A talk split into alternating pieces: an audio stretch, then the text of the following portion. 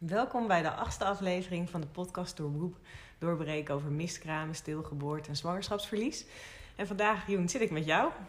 Ja, leuk om uh, hier te zijn. Het was niet zo heel veel rijden, maar... Uh, nee hè? Zit Nee. hier lekker op de bank met mij samen. En eh, we gaan eh, deel 2 opnemen over... kan er uit het, eh, uit het verlies van een stilgeboorte en een miskraam ook iets moois ontstaan? En ik begin eigenlijk altijd met de eerste vraag van... eh Joen, je bent vader van... Noé, vier jaar oud. Mhm. Eh, mooi mannetje. Ehm, ja, nog eh, best puur in het leven. Dus eh, ik vind dat hij nog wel de onschuld heeft van een kind... wat je graag in een kind ziet. Ondanks dat hij best wel wat heeft meegemaakt, denk ik... met een stilgeboorte en een miskraam. Ja, is dat ook wel van een kind meekrijgt natuurlijk. Ja, hoe kan je dat uitleggen? Hoe heeft hij dat meegekregen? Nou ja, kijk, hij ziet eh, de blijdschap van, van ons dan, hè. Van eh, eh, blijdschap bij een zwangerschap, test die positief is natuurlijk. Dat je juichend door de kamer hebt. Dat eh Noé wordt opgetild als de Romeinse keizer bij wijze van spreken. Hè? En dat je huppelend door de kamer met hem gaat. Dat hij helemaal wordt meegenomen in dat proces. Hmm. En dan, ja, dan, dan ziet hij ook eh, het verdriet bij zijn ouders natuurlijk. Ehm, waarin hij, hij ook wel zwaarte voelt natuurlijk wat in het huis heerst. Dus eh, de- ja, ik denk ook dat we hem daar bewust niet... eh, kijk, het is niet dat we bewust de, de hele tijd aan het huilen zijn of weet ik veel wat. Maar ik denk wel dat het binnen ons gezin ook van belang is dat dat verdriet er ook bij, bij het leven hoort, zeg maar. Dus dat, dat dat ook gedeeld met hem wordt. Dat het ook besproken met hem wordt. Uh, en tuurlijk zijn er ook momenten dat je het bewust even niet voor hem laat zien. Maar soms ja, uh, overkomt het je. En dan, ja, dan is het ook raar om net te doen alsof er niks aan de hand is. Want dat voelt Noé heel goed aan. Die, die is best wel intuïtief. Dus die voelt wel, oh ja, er is wat aan de hand met, me, met mijn ouders. Dus ja, dan is het ook gek om uh, ja, niks over te zeggen. Ja, en dan heb je ook uh, voor jouw idee bij hem zelf verdriet gezien? Nou, ik denk uh, meer verdriet om zijn ouders, denk ik. Dus ik denk dat hij het concept, hè, hij was toen, uh, ik weet niet precies hoe oud hij was, hoe oud was hij? Twee? Ja, twee, tweeënhalf of zo? Tweeënhalf, dus dan, ja, dan zit hij nog wel in een fase dat je gewoon, uh, denk ik, best egocentrisch bent en nog niet zo heel erg ziet van wat voor consequentie het heeft. Dus hij weet wel, op een gegeven moment wist hij wel van, oh ja, ik krijg misschien een broertje of zusje, maar hij was daar niet mee bezig. Hij was vooral met, ja, gelukkig met zichzelf bezig. En uh, ik denk dat het met meer raakt, zeg maar, dat hij dan ziet uh, dat, dat, dat zijn moeder aan het huilen is of zijn vader aan het huilen is. Ja. Ik denk dat, dat hij dat voelt. Maar niet per se het gemis van een broertje of zusje. Omdat hij daar de leeftijd, denk ik, ook nog niet echt naar heeft op dat moment. Nee, nee, we hadden wel, uh, soms legde hij wel een handje op mijn buik al. Ja. En bij 20 weken heb je toch al best wel een buik. Ja. En uh, we hebben hem ook echt Chloe laten zien. Ja, ja en daar, daar zag je meer dat hij dat, tenminste zo kwam dat mij over, uh, dat hij dat wel ja, een beetje gekkig vond, zeg maar. Ja, het zag er natuurlijk ook, nou ja, natuurlijk zeg ik maar, laat ik voor mezelf spreken. Het, het zag er ook niet uit dat je dacht van, uh, dit is een volledig af en gaaf kindje, zeg maar. Mm. Uh, als je Chloe zag, uh, die we meekregen in, in water, zeg maar. Ja, dan zie je gewoon dat het kindje nog niet af is. Dus ik kan me ook voorstellen als kind zijnde... Ja, dat het niet heel aantrekkelijk is om daar de hele tijd naar te kijken. Dus daar had hij ook niet heel veel behoefte aan. Uh, voor, nee, want normaal is hij heel nieuwsgierig. En nu was het niet dat hij daar continu naar vroeg of naar keek of zo. Nee, hij keek wel even, maar dan was het ook wel weer gewoon even en was Ja. genoeg. Ja, dan was het ook weer wegkijken en weer lekker, ja, lekker spelen. Ja, voordat ik vraag um, hoe de ervaring voor jou is geweest, um, hoor ik je bewust zeggen, denk ik, ik heb een zoon en ik hoor je eigenlijk niks zeggen over Chloe en over de miskraam. Ja. Um, doe je dat expres? Uh, nee, doe ik niet expres, maar dat is ja, ik benoem eigenlijk vaak uh, mijn levende kind Noé, zeg maar. En uh, ja, Chloe en Blanche, die, die benoem ik niet in een gesprek, omdat ja, vaak is het ook een beetje ongemakkelijk. Of ja, als iemand vraagt van hoeveel kinderen heb je of zo. En ik zou zeggen van, nou ik heb drie kinderen. Eh, ik heb één zoon Noé en ik heb ja, Chloe en Blanche, maar die zijn al in de hemel of zo. Dan, Hmm. of, of wat voor concept je er dan aan wilt hangen. Dan komt er meteen een soort zwaarte in het gesprek. En zelf heb, heb ik daar ook niet altijd behoefte aan om met iedereen erover te praten. Ik, ik, voor mij is dat, ja... Voor mij voelt dat prettiger om te, te bespreken met mensen uh, die dicht bij me staan. En andere mensen wil, wil ik het ook wel mee bespreken of zo. Maar het is niet dat het een, voor mij een uh, koffiegesprek is bij het koffieautomaat of zo, om het zo maar even te zeggen. Nee. Dus ja, om de, ja. Dus ik denk voor mezelf dat ik het niet heel prettig vind. Maar het, ik zie ook vaak dat het voor andere mensen ook niet per se prettig is om meteen uh, nou ja, daarin te duiken. Omdat ze vaak ook niet echt weten wat verhouding ze dan moeten geven. Het ongemak wat je dan ziet, bedoel je dan? Ja, ja, ja. En wanneer zou het voor jou wel fijn zijn om het erover te hebben? Ja, dat, dat, dat is de setting, denk ik. En dat is, denk ik, uh, ja, de setting, daarmee bedoel ik van... Uh, de sfeer moet er gewoon naar zijn. En soms heb je die sfeer wel. Ik kan het ook niet echt uh, beschrijven of zo, maar ik kan me wel voorstellen dat zo'n setting eerder is als je om een kampvuurtje heen zit, weet je wel, en je bent elkaar echt, echt wat aan het vertellen. Dus niet de koetjes en kalfjes, maar dat, dat er meer gedeeld wordt. Dus dat, dat is voor mij prettiger dan dat ik in het middelpunt ga staan van... nou, dit, heb ik, dit is mij overkomen. En, en voor de rest gaat het alleen over, ja, weet ik veel wat... uh, politiek of voetbal of weet ik veel wat, weet je wel. Ja. Dan, ja, dan voel ik me ook niet geroepen. Nee, en ik hoor je zeggen, hè, Blanche. Is Blanche dan ook de naam van de miskraam? Ja, die, die, die heb jij verzonnen. Dus dat is inderdaad ja, de naam, ja. Uh, ja, omdat ik het wel belangrijk vind, dat hebben we ook van uh, Chloe geleerd, of uh, ik in ieder geval, dat de naam geven, dan doe je meer eer, vind ik, ook aan, aan, aan je kind. en anders ja, praat je over ze, of, dat is mm. zo afstandelijk. ja, terwijl een kind, het is wel onderdeel van jou. Ja, van ons gezin. Ja. ja. Hey, en um, hoe was het voor jou om en Chloe en Blanche te verliezen? Ja, dat, ja, dat kwam wel binnen. Ja, omdat ik... Uh, ik zeg meestal uh, dat ik een soort positief paranoia ben, zeg maar. Dat ik het gevoel heb dat alles wat op mijn leven terechtkomt, goed of slecht, zeg maar... daar heb ik iets uit te leren of zo. Ja, en je noemt jezelf wel het joentje geluk. Ja, dus, dus, en dat vind ik nog steeds hoor, dat ik voor het geluk ben geboren, zeg maar. Mhm. Um, dus bij Chloe uh, had ik vooral zoiets van: oké, okay, maar welke les, moet ik, welke les ga ik hieruit leren? Want waarschijnlijk is dit een levensles die ik te leren heb.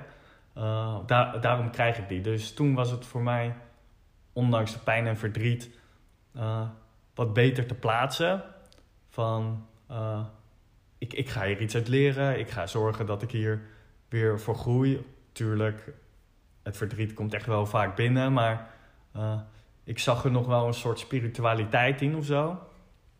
En bij Blanche, ja, toen had ik even de spiritualiteit niet meer. Toen dacht ik van, ja, wat, wat, wat is nu nog mijn leermoment erin of zo? Mm. Want voor mijn gevoel uh, had ik er best wel wat uit geleerd. Maar, en wat had je dan geleerd? Uh, nou ja, blijkbaar niet genoeg. Want dat denk ik ook wel weer als ik er nu op terugkrijg.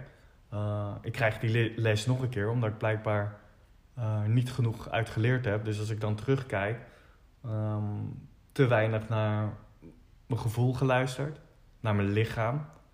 Uh, en naar mijn gevoel niet luisteren is dus heel erg hard gaan werken.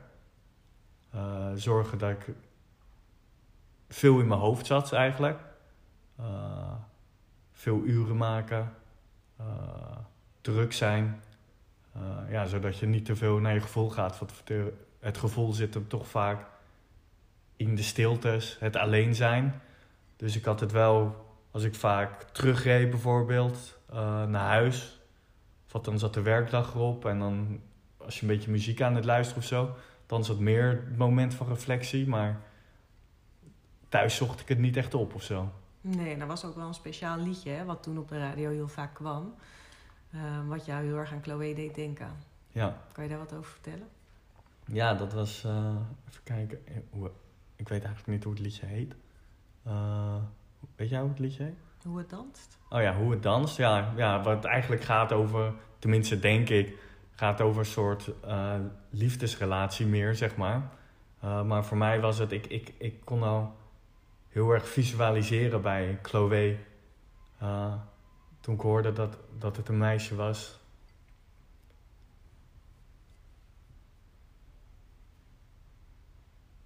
Ja. Dat je gewoon dansend door de kamer gaat met je dochter. Dat ze op je tenen staat. Ja. Ja, dat zag ik echt voor me, zeg maar. Dat liedje, dat eh, ja, gaat daar ook over. En ja, het, het kunnen loslaten van, van je dochter. Hmm. Ja. Dat ze groter zou worden. Ja, en, en, en over balans. Dat die balans ook wel weer eh, er niet is door haar, maar ja, ook wel weer dat het gaat komen. Ja, Ja. Ja. Dus dat liedje was altijd wel wat binnenkwam, hè, dan bij Ja. jou. Ja. Ja. En ehm, als je dan zeg maar zo kijkt, dan zei je van ja, ik, ik dacht dat ik er wat uit had geleerd. Ehm, kan ik daar dan uit opmaken dat je dacht van hé, hey, ik ben nu al wat beter bij mijn gevoel, want ik ben wel eens verdrietig. Ja, Ehm, ondanks dat je zei, ik werk keihard. Want dat heb ik ook gezien. Ik Ja. ging, eh, had eigenlijk ik denk twee weken rust genomen. En daarna ging je volle bak weer alles draaien en doen. ja, Ehm, dus je was in de veronderstelling voor jezelf van... nou, hier is dan het mooie misschien wel uitgekomen... dat ik beter bij mijn gevoel sta. Dat ik voel dat ik verdrietig ben. En dat ik daar af en toe ruimte voor maak. ja. Ja, nou ja, dat was eh, na Joentje geluk heb ik ook eh Joentje overschatting af en toe. Dus eh, ik overschat mezelf. Veel mensen onderschatten zichzelf vaak. Ja, ik heb nogal wel eens de neiging om mezelf te overschatten. Dus ik dacht van, nou ja, ik heb een paar traantjes weggepinkt. Hmm. Ja, dat, dat, dat is ook voor mij best veel. Omdat ik gewoon niet veel huil. Nee, ja, ik huil gewoon niet zo heel veel. Omdat, omdat ik zo gewend ben om in mijn hoofd te leven. ja. Eh, dat ik dacht van, nou, ik heb een paar traantjes weggepinkt. Dat ik dacht, zo, ik kan goed bij mijn gevoel komen. ja, ja, ja. Eh, laat ik zeggen, het, waren, het zijn mooie eerste stappen richting echt naar het gevoel gaan. Maar dat er nog een hele ja, wereld aan emoties ligt, zeg maar. Eh, ja, waar ik nog steeds bezig ben om dat meer te gaan ervaren en te voelen. Ja. En is dat dan na Blanche gekomen? Ehm, nee, dat, dat, dat wegstoppen van gevoel, dat is al vanaf, eh, vanaf kleins af aan. Eh, ik ben geadopteerd. En ehm, ja, het is ook bekend van eh, geadopteerden dat die heel erg in hun hoofd, hoofd gaan leven. Ehm, en dat herken ik ook bij- heel erg bij mezelf. Omdat, omdat zeg maar vanaf het begin dat je op het vliegveld staat bijvoorbeeld, dan eh zegt ze wel eens, ja, dan geadopteerden huilen dan nog een keertje super hard. Alle angst en emotie komt eruit. En dan zit ze, ja, maar dat werkt niet, er wordt niet naar geluisterd. Eh, dus ja, dat is een moment dat, dat veel geadopteerden eigenlijk eh, niet meer zo goed naar dat gevoel kunnen. Omdat ja, wat voor zin heeft het? Hmm. Dus dan gaan ze meer uit hun hoofd leven. En een therapeut eh, van mij die gespecialiseerd is in adoptie, die, die benoemt het ook van eh, dat er dat een hypothese is dat er veel geadopteerde kinderen eh, in het vliegtuig zijn gestorven, een aantal. Waarschijnlijk gewoon echt door de paniek en door, eh, ja, door hartfalen of weet ik veel wat, omdat er zo slecht naar ze geluisterd wordt op dat moment. Dus toen nog één poging Ja, omdat het vaderland zo verbonden met je is, zeg maar. ja. Ja, dus ja, nou ja, die impact heeft het. Dus toen ja, kon ik al wat minder goed bij mijn gevoel komen eigenlijk. Ja, dus dat is wel toen hij dat vertelde iets wat jij herkent. Van, oh ja, dat zou best wel eens bij mij zo kunnen zijn. Ja, ja, ja, zeker. Ja. Ja. Ja. Dus ehm, zo'n confrontatie met verlies. Ik kan me indenken dat als je, juist ook omdat je geadopteerd bent, en je hebt dan je biologische familie niet hier wonen, ehm, en in jouw geval ken je ook niet iedereen van je biologische familie, dan is een kindje krijgen lijkt mij extra speciaal. Ja, zeker. Ja, daar komt wel wat meer bij kijken, denk ik, dan een, eh, als je niet geadopteerd bent. Dus ehm, je, weet, je weet, ik weet meer over de hechtingsfases. Uh, maar ook meer, nou, ik denk niet super grote angst, want uh, daarvoor heb ik gelukkig dat stukje overschatting van mezelf. Uh, maar ik weet wel dat ik van tevoren dacht van, ja, kan ik van mijn kind houden? Ja. Nou, dat, dat kan ik gelukkig. en dat, ja, eigenlijk toen Noé er was, toen had ik daar ook niet heel lang twijfel over. Ik merkte wel dat het groeiende was, zeg maar, dat het Mhm. steeds meer wordt. Uh, maar dat heeft meer te maken omdat ik gewoon meer een vader ben die het leuk vindt om uh, dingen te ondernemen. En ik ben gewoon iets.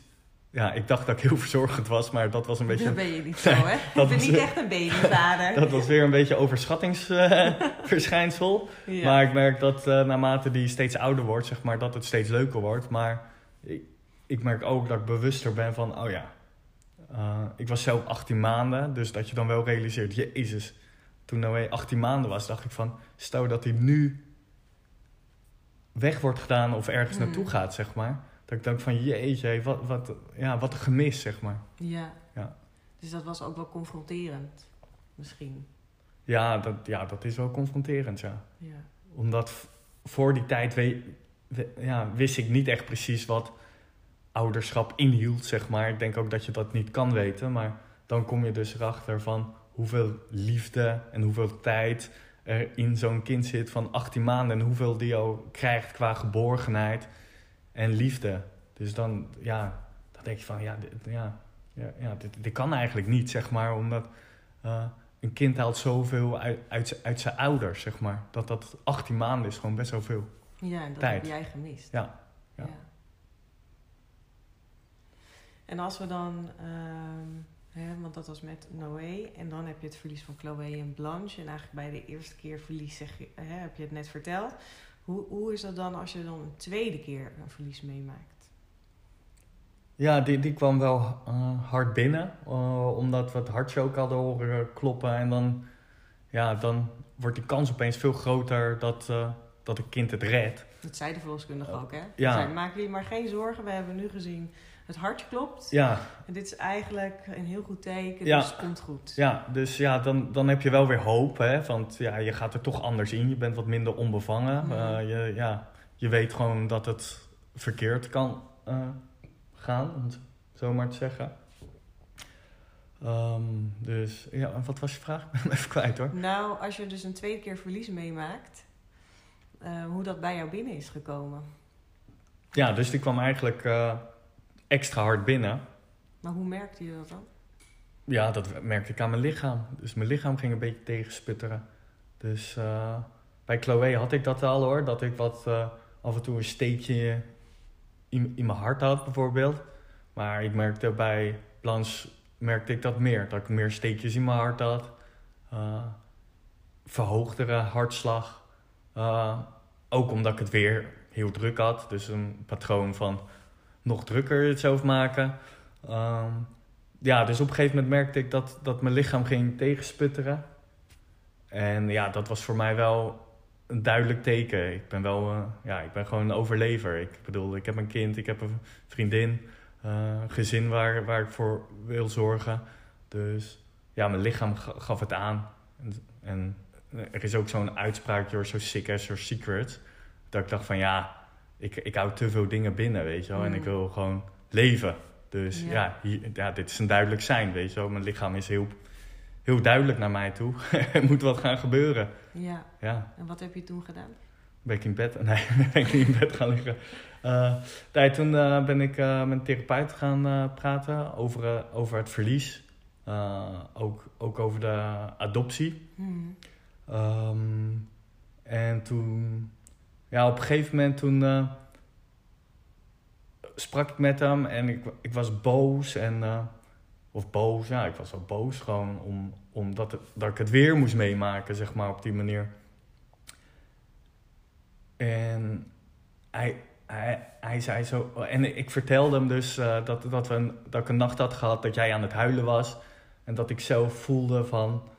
Ja, ik ben gewoon hartstikke moe, weet je wel. En dat ik Mm. gewoon even de kracht ook even niet had om, eh, om jou op dat moment eh, de troost te bieden die ik wel zou, willen geven. Maar ik was gewoon echt zelf heel moe. Ja. Ehm, ja, ja, en als de vrouw of de persoon van wie je houdt aan het huilen is, zeg maar. En je hoort echt het snikken dat ja, uit het ziel komt, zeg maar.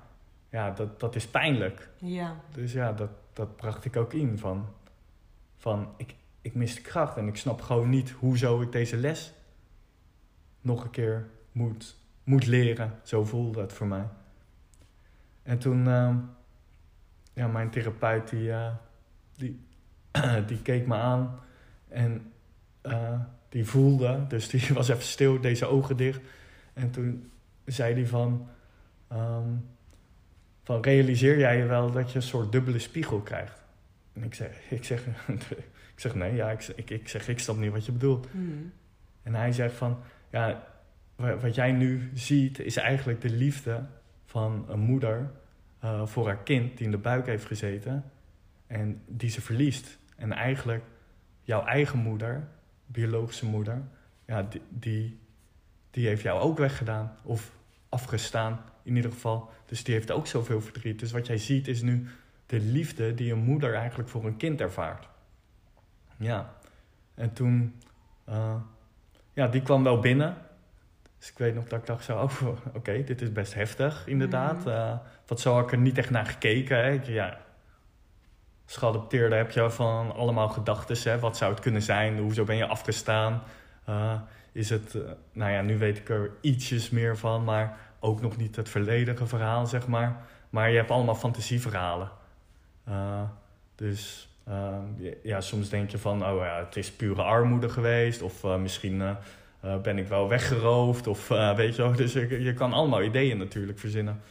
Ehm, eh, ik ging in mijn auto zitten en toen weet ik ook nog wel, toen, toen deed ik het slot omdraaien. En het eerste liedje dat, dat erop sprong, zag ik de titel Invisible String stond er zo. En toen dacht ik, ja, onzichtbare draden, weet je wel. En het is zo de onzichtbare draden van het leven. En toen dacht ik van, ja, op dat moment had ik er ook meteen weer meer vrede mee. Want toen dacht ik van, oké, ik kan weer positief paranoia zijn. Er zit inderdaad een levensles in. Eh, en eh, weet je, ja, het, het leven is gewoon soms weer barstig, maar wel heel mooi, zeg maar, hoe alles soms zo samen ook weer lijkt te komen met elkaar. Ja, en, en kon je toen ook dat verdriet dan toestaan voor jezelf? Ehm, nou ja, dat is nog steeds een proces waar ik nog steeds mee bezig ben. Eh, dus dat, ja, daar heb ik nog wel stappen in te maken. Ja. Want ik weet nog wel dat je dat tegen mij ook vertelde. En dat ik daar weer acuut verdrietig om werd. Dat ik dacht, ja, dat is ook gewoon heel heftig. Dat, dat zeg maar een moeder een kind afstaat en die je zo lang hebt gekoesterd in je buik. Hè, ondanks dat je de onzekerheid hebt of je misschien wel of niet voor hem kan zorgen. Ehm, maar de liefde op het moment met die zwangerschap is er gelijk. De Ja. liefde voor je kind als moeder. Ja, en dat, dat, dat, dat, dat zag ik ook heel duidelijk en dat zie ik ook. En juist door het, het verlies van Chloe na 20 weken eh, en, en de miskraam van Blanche, eh, is die liefde, die is eigenlijk al meteen al, zeg maar. En ik dacht van, oh ja, dat wordt opgebouwd nadat die geboorte is. Maar ook als vader zijnde eh, voel je al die liefde. Eh, ik denk wel dat het iets minder intens is, omdat het niet in mijn lichaam zit. Maar het verdriet dat ik na die 20 weken ervaarde, zeg maar. Ja, dat, dat, dat is heel duidelijk, zeg maar, wanneer het kind er is eigenlijk en je weet het en er is een bewustwording, dan groeit het al in je eigen bewustzijn, zeg maar. Ja. Uh, dus het kind is er eigenlijk al, ook al is hij er nog niet. ja. Nou ja, hij is er wel dan in de buik, zeg maar, maar nog niet fysiek in de wereld. Nee. En je hebt het even hè, over als man zijnde, hoe, hoe jij dat dan ervaart. Ehm, als vrouw zit het in je lichaam en moet je ook het proces van het afstoten door. Hoe is dat voor jou geweest om daarnaast te staan? Ja, dat, dat, is, dat is hard. Uh, hartverscheurend ook letterlijk. Want je kan zelf niet zo heel veel doen. Buiten steun bieden. Uh, er voor je zijn. Ehm, maar dat, dat is wat je kan doen. En dan zit je ook nog met je eigen emoties. Uh, ja. Dus ik, wat ik denk, waar, wel meer aandacht voor komt, zeg maar. Maar als, als ik dan kijk voor, voor het mannelijke rouwproces, is weinig aandacht. Hmm. En wat zou jij dan graag willen? Nou ja, ik denk vooral um, meer, meer aandacht voor überhaupt het rouwproces. Uh, maar niet alleen voor de vrouw, maar ook voor de man. Uh, ik vind dat een werkgever bijvoorbeeld daar meer tijd voor mag vrijmaken. Uh, van joh, kom de komende vier, vijf weken niet.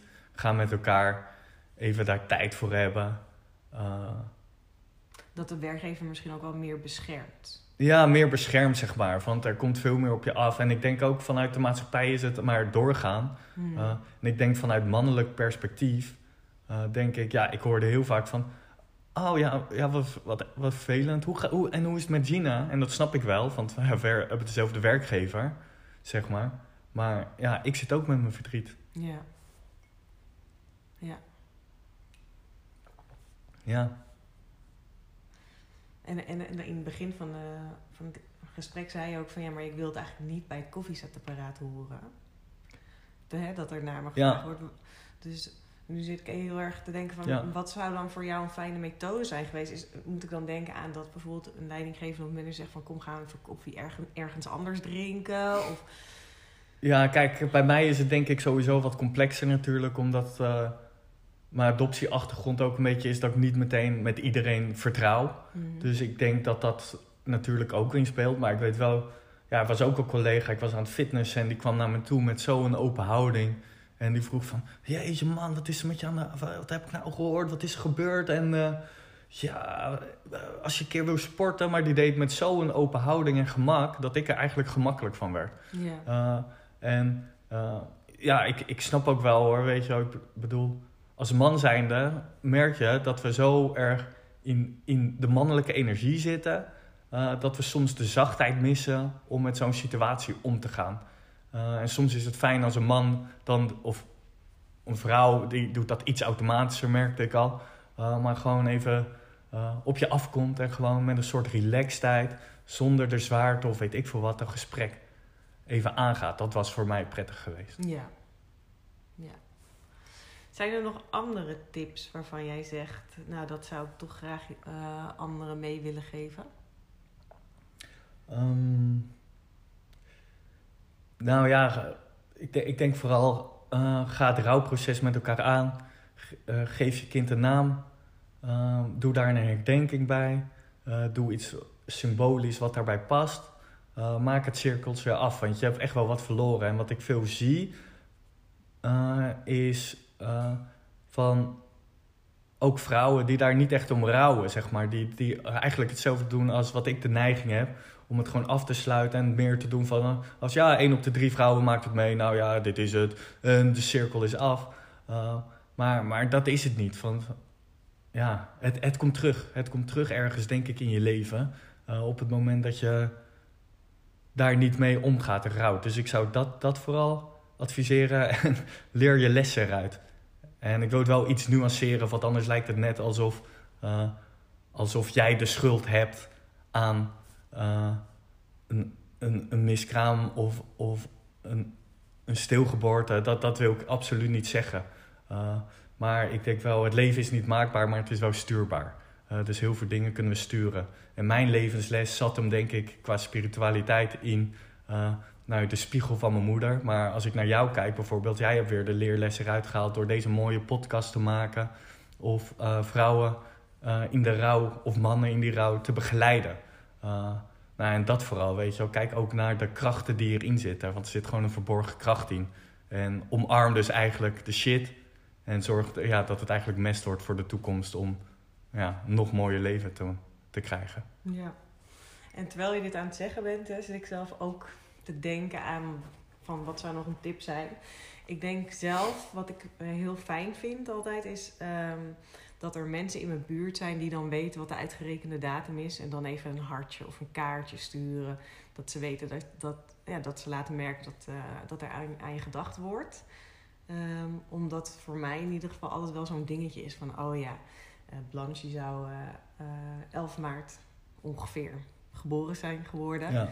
En dan is het wel zo'n datum waar ik dan eventjes bij stilsta en naartoe leef van, oh ja, hij komt eraan. En we hebben geen kindje. Ja, ja daar, dat is denk ik de next level in uh, sensitiviteit inderdaad. En ik denk dat we onszelf daarin meer mogen ontwikkelen om zulke gesprekken te voeren. Maar ja, daarom is deze podcast ook mooi, denk ik, om gewoon bewustwording te creëren. Maar ik denk vooral als mensheid, weet je wel, mogen we echt wel meer de, de zachtheid en compassie te hebben om meer daarbij stil te staan. Laten we daar meer tijd voor maken. En dat zou gewoon mooi zijn. Ja. Nou, dankjewel Joen.